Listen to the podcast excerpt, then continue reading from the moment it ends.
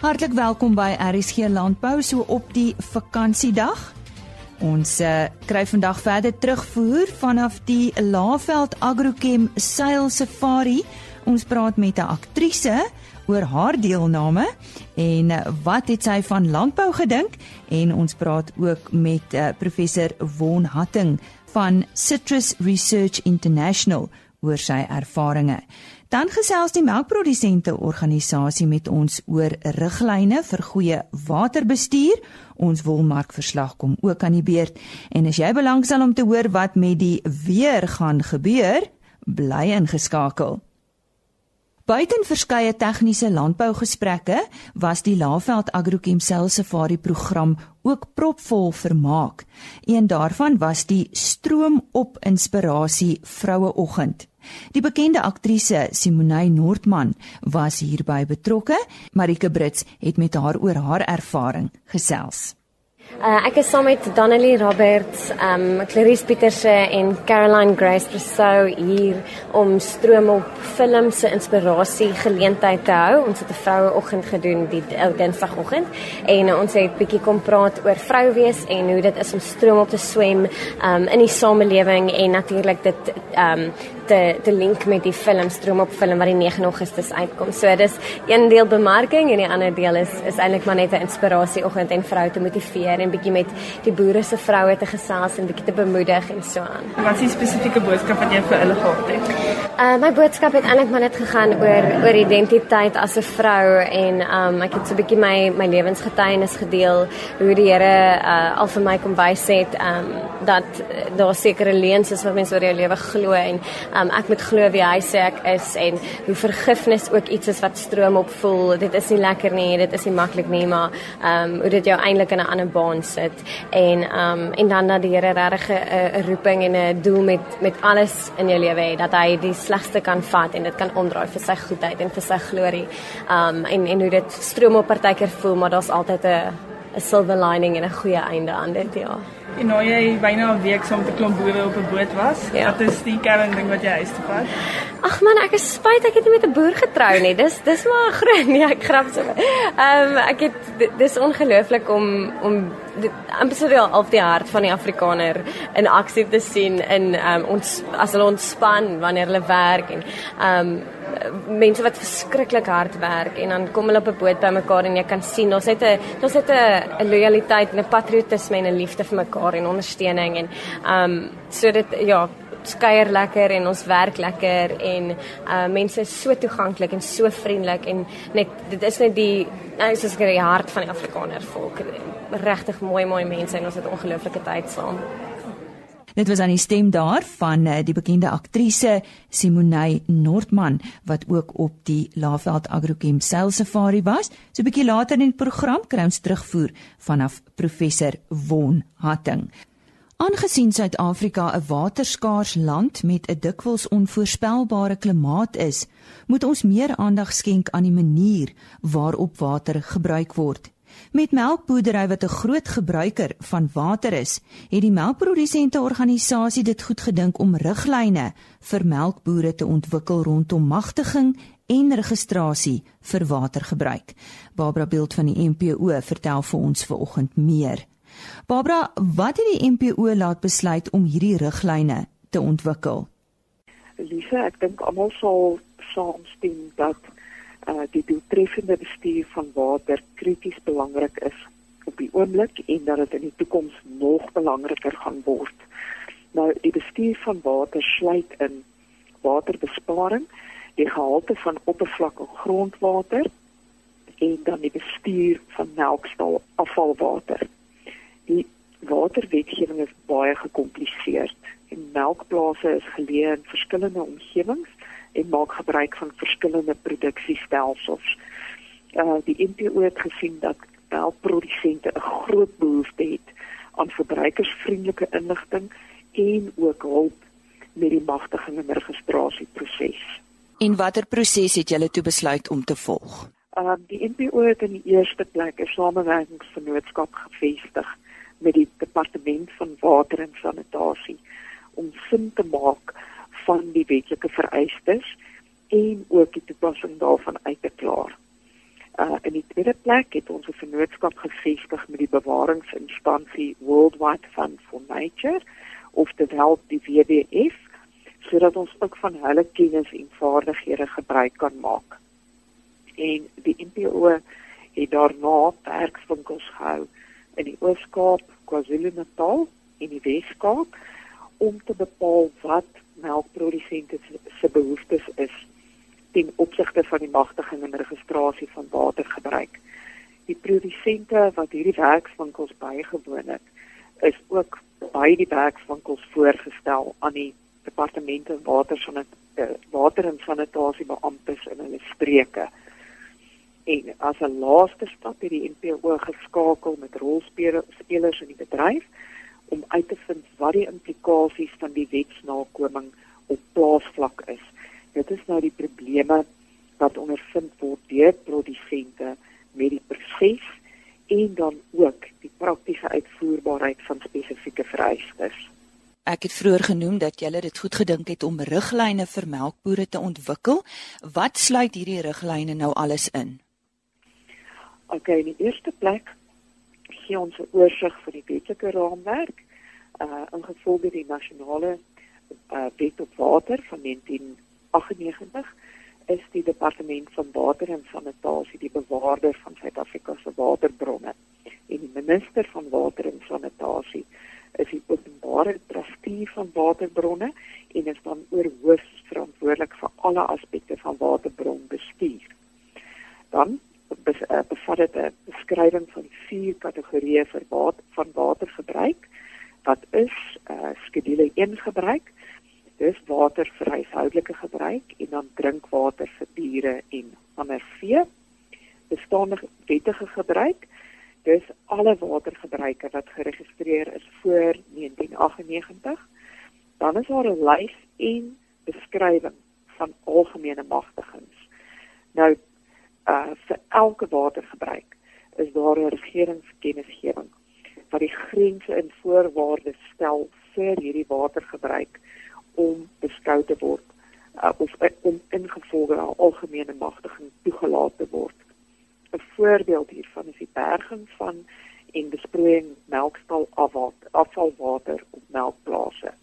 Ook as jy 'n algemene magtiging gekry het, hoef jy nie aansoek te doen vir 'n watergebruikslisensies nie, maar die dokument beskryf ook wanneer watergebruikslisensies vereis word en watter aktiwiteite moontlike lisensie mag benodig. Uh wat baie belangrik is wat in in ons riglyne verskyn is dat daar skakels na al die toepaslike dokumente en na die kontakbesonderhede van departement water en sanitasie beamptes. Barbara, so wat presies behels die watergebruik verifierings en bekragtigingsproses?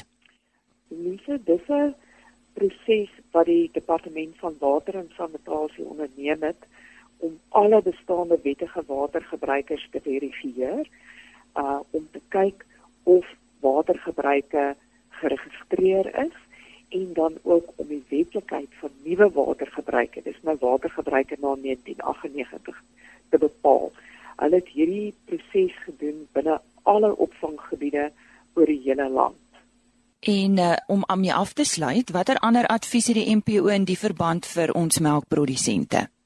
Die NPO moedig melkprodusente aan om vertrou te raak met die wetlike vereistes.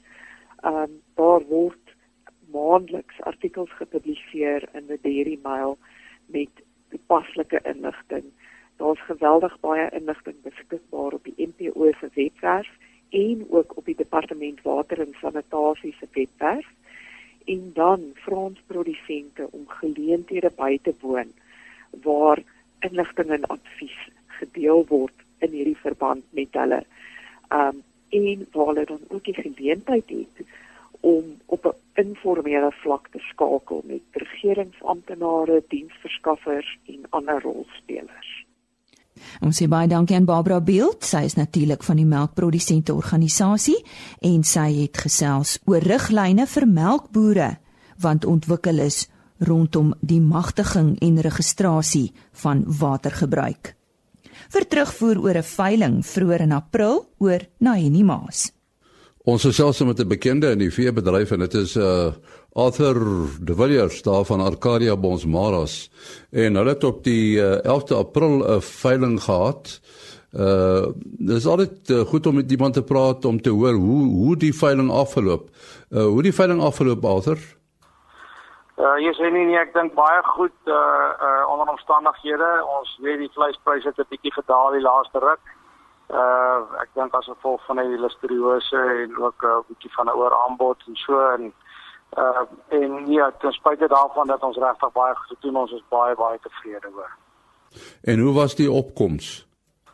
Op ons was baie goed. Dit was uh 300 mense plus gewees. Uh van Namibia af het ons uh het ons drie kopers gehad. Uh ja, ons mense van Botswana.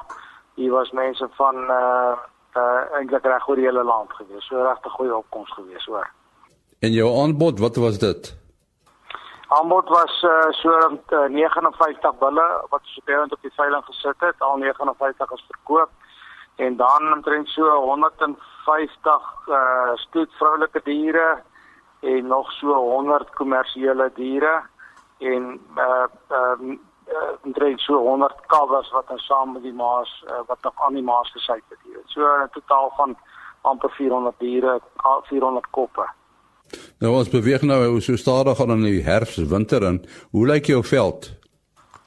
Ons veld is gelukkig mooi en nie ons het laat reën gekry. Ehm uh, ons het eintlik deur die hele seisoen uh bytjies gekry ons aan die gang te hou maar nou in in in maart maand het ons lekker reën gehad was 'n bietjie laat vir ons, maar ons is baie dankbaar daarvoor en uh ons gaan met ons gaan met uh met 'n positiewe gesindheid en en en en ek dink genoeg gras gaan ons die winter in weet.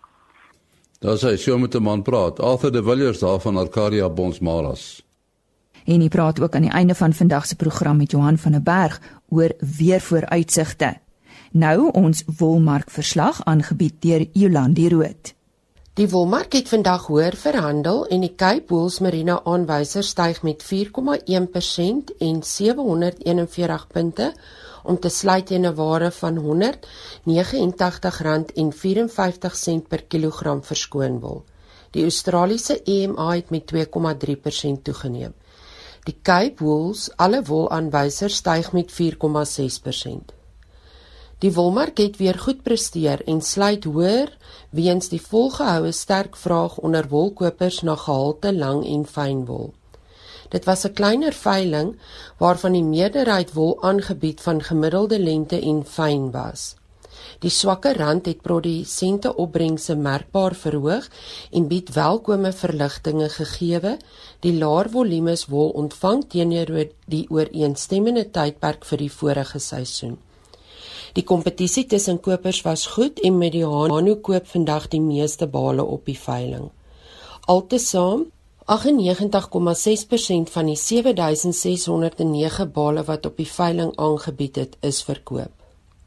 Die grootste kopers op die veiling was Modiano met 2557 bale, Standard Wool SA met 2397 bale Tianyu SA met 1329 bale en Lempriere SA met 518 bale.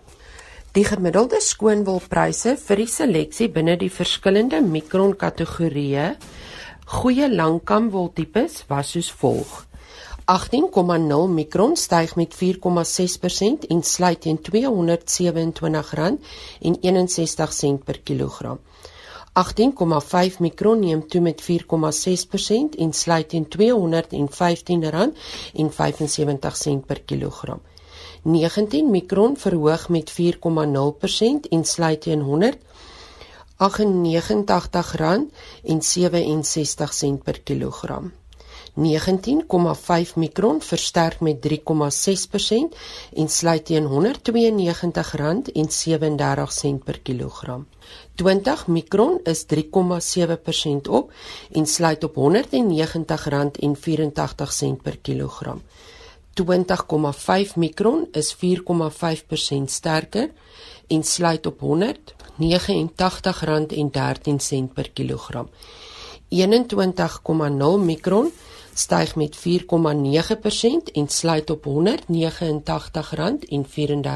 per kilogram. 21,5 mikron het 5,6% toegeneem en sluit op R183,97 per kilogram. 22 mikron styg 4,6% en sluit op R181,19 per kilogram. En 22,5 mikron is 4,6% beter en sluit op R175,69 per kilogram. Die volgende veiling vind plaas op 9 Mei wanneer plus minus 7482 bale aangebied sal word. Dit was dan Jolandi Rood met die nuutste wolpryse. Een van die interessante aanbiedings tydens die Laveld Agrochem Sales Safari was deur professor Won Hatting van Citrus Research International. Hy gesels rondom die toepassing van tegnologiese ontwikkeling en die wetenskap om die toegang van landbouprodukte aan internasionale uitvoermarkte te bewerkstellig en bevorder. Hy sê alhoewel markbedinging op regerings- en instansievlak plaasvind, is dit belangrik dat produsente 'n besef het van die proses en goed verstaan wat die vereiste van die invoermarkte en regulasies is. Marike Brits het tydens hierdie safari ook met hom gesels. Hy gee eers sy indrukke van die bootreis. Ja, Marike is 'n uh, ehm um nie net baie uh, aangenaam in terme van die omgewing en 'n uh, bietjie ontspan en tyd spandeer met uh, produsente. Ehm uh, maar maar is ook 'n uh, interessante manier om om uh, so interaksie tussen produsente self en en mense wat uh, uh, belang het in die georganiseerde landbou saam met produsente ehm um, jy weet te skakel. Sover baie geluk aan Laveld. Ehm um, ek dink dit werk baie goed uit. Wat was die onderwerp wat jy nou hier gesels het vandag? Ja, die onderwerp is uh, rondom uh, die toepassing van uh, nuwe tegnologiese ontwikkelinge en die wetenskap um, om die toegang van uh, landbouprodukte aan internasionale uitvoermarkte um, te bewerkstellig en te bevorder. En as ons kyk na die ontsluit van markte, um, wat is die kernaspekte waarna ons moet kyk? om nuwe markte oop te maak is 'n baie lang proses. Ehm um, dit dit kan tipies van 5 tot 15 jaar duur om toegang vir 'n landbouproduk aan 'n nuwe mark, 'n uh, uitvoer internasionale uitvoermark uh, te beding. En en daai bedingingsproses uh is is uh baie sterk uh, gebaseer op wetenskaplike inligting.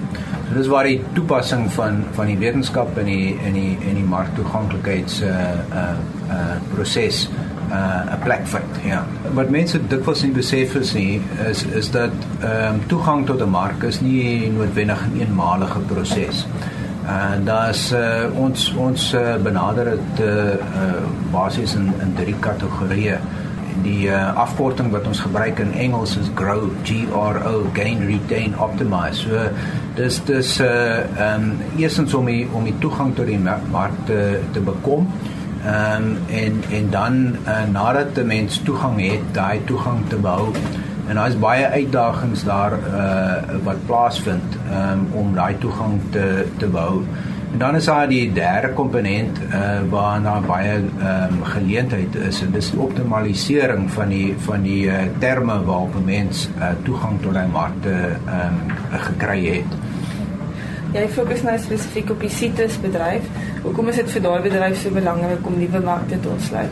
Ja, ek het uh, in hierdie toespraak uh, die sitrus ge uh, bedryf gebruik as 'n model.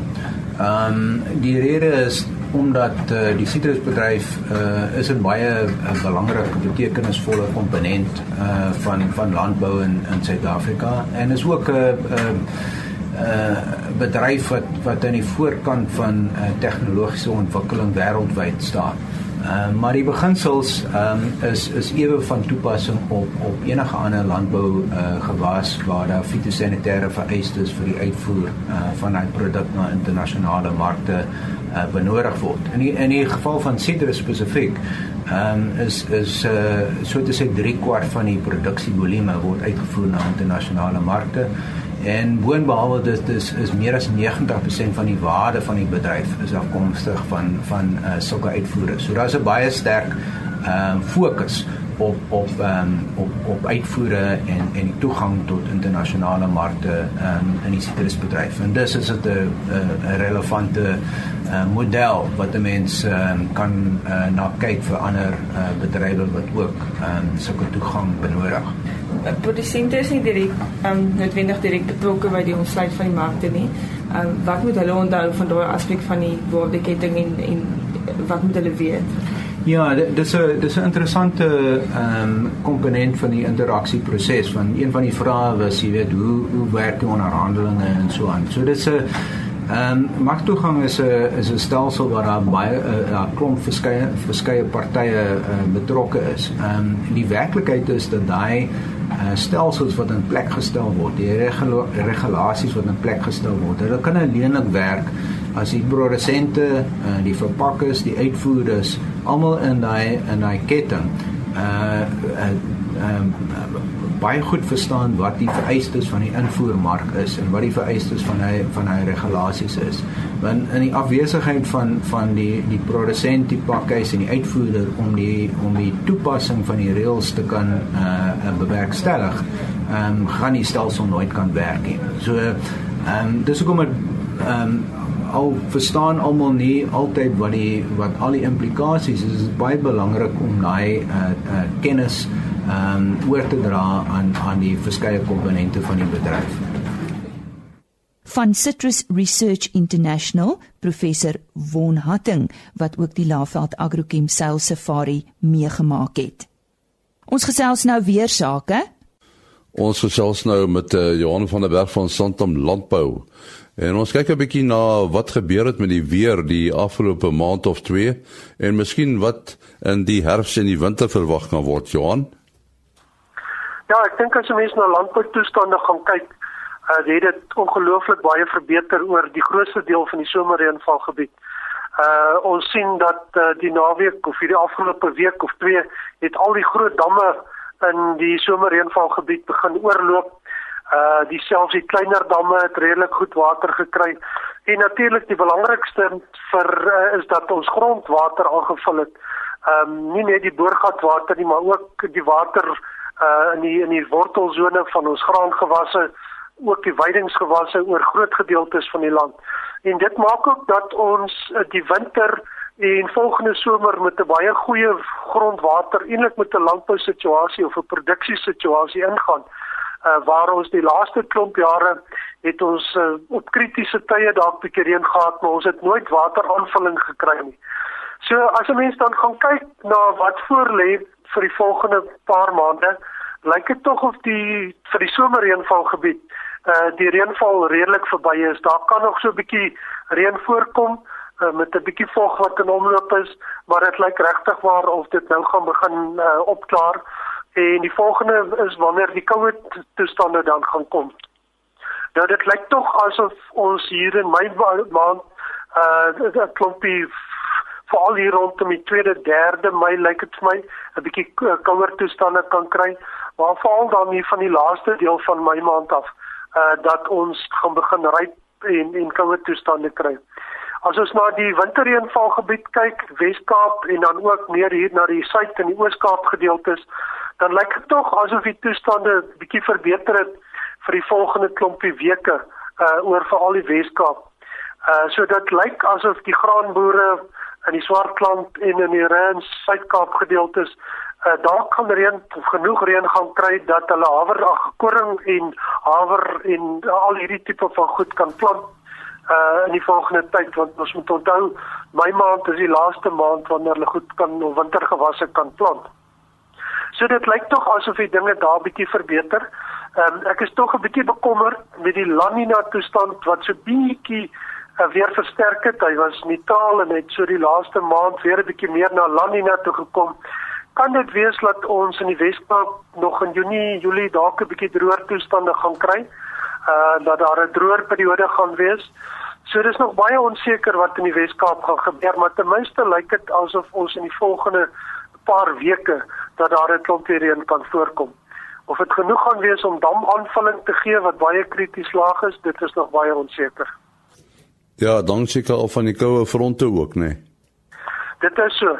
Uh wat die koue fronte begin die Kaap tref, ons het hierdie laaste ruk gesien uh dat uh hier teen die Weskus al uit die koue fronte ook so geraak en dan die suidelike gedeeltes, suidwestelike gedeeltes van die Kaap begin vang. So dit lyk tog of die koue fronte besig is om om in te beweeg. Redelike sterk een wat in die volgende tyd gaan gaan inkom uh wat uh volgens 'n klomp reën in die Wes-Kaap en dan kouer toestande hier in die somerreënvalgebied kan gee. Ja, net weer die verskil tussen die La Nina en die El Nino. Dis met eerstens dit is die see temperature in die gebied uh tussen Suid-Amerika en Australië, so op die ewenaar. Nou met die El Nino is daardie gebied is die see temperature warmer as normaal. En die oorsaak is hoofsaaklik dat die suidoos-besaad winde redelik swak waai of in 'n ander rigting waai en die oppervlakwater bly daar en dit verhit en dit maak dat die seeoppervlaktemperature warmer as normaal is. En die La Nina is net maar die omgekeerde. As ons redelike sterk uh, suidoos-besaad winde daar van Suid-Amerika se kant af kry, word hierdie oppervlakwater oor daai gebied meer na Asië se kant toe gedruk.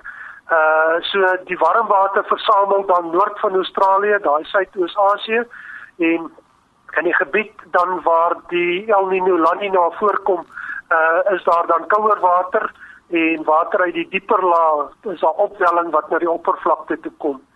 En interessant is hierdie ehm um, verskil in die seeoppervlaktemperature koppel met die klimaat of die weerstelsels bokant of in die oppervlakte bokant die oppervlakte en dit maak dan dat ons reënpatroon verskil. Uh die tyd wanneer dit reën asook die ge gebiede waar dit reën. So dit reën nie minder of meer as 'n mens na die totaal kyk nie, maar die gebiede waar dit reën verskil dan. Baie dankie Johan van der Berg daar van Santam Landbou. Nou ja, hier en daar darm goeie nuus oor die weer. Dit is dan al wat ons het vir u vandag. Onthou sluit weer gerus môreoggend by ons aan net so skuins na 05:30. Totsiens. RSG Landbou is 'n produksie van Plaas Media. Produksieregisseur Henny Maas. Aanbieding Lisa Roberts. En inhoudskoördineerder Jolandi Root.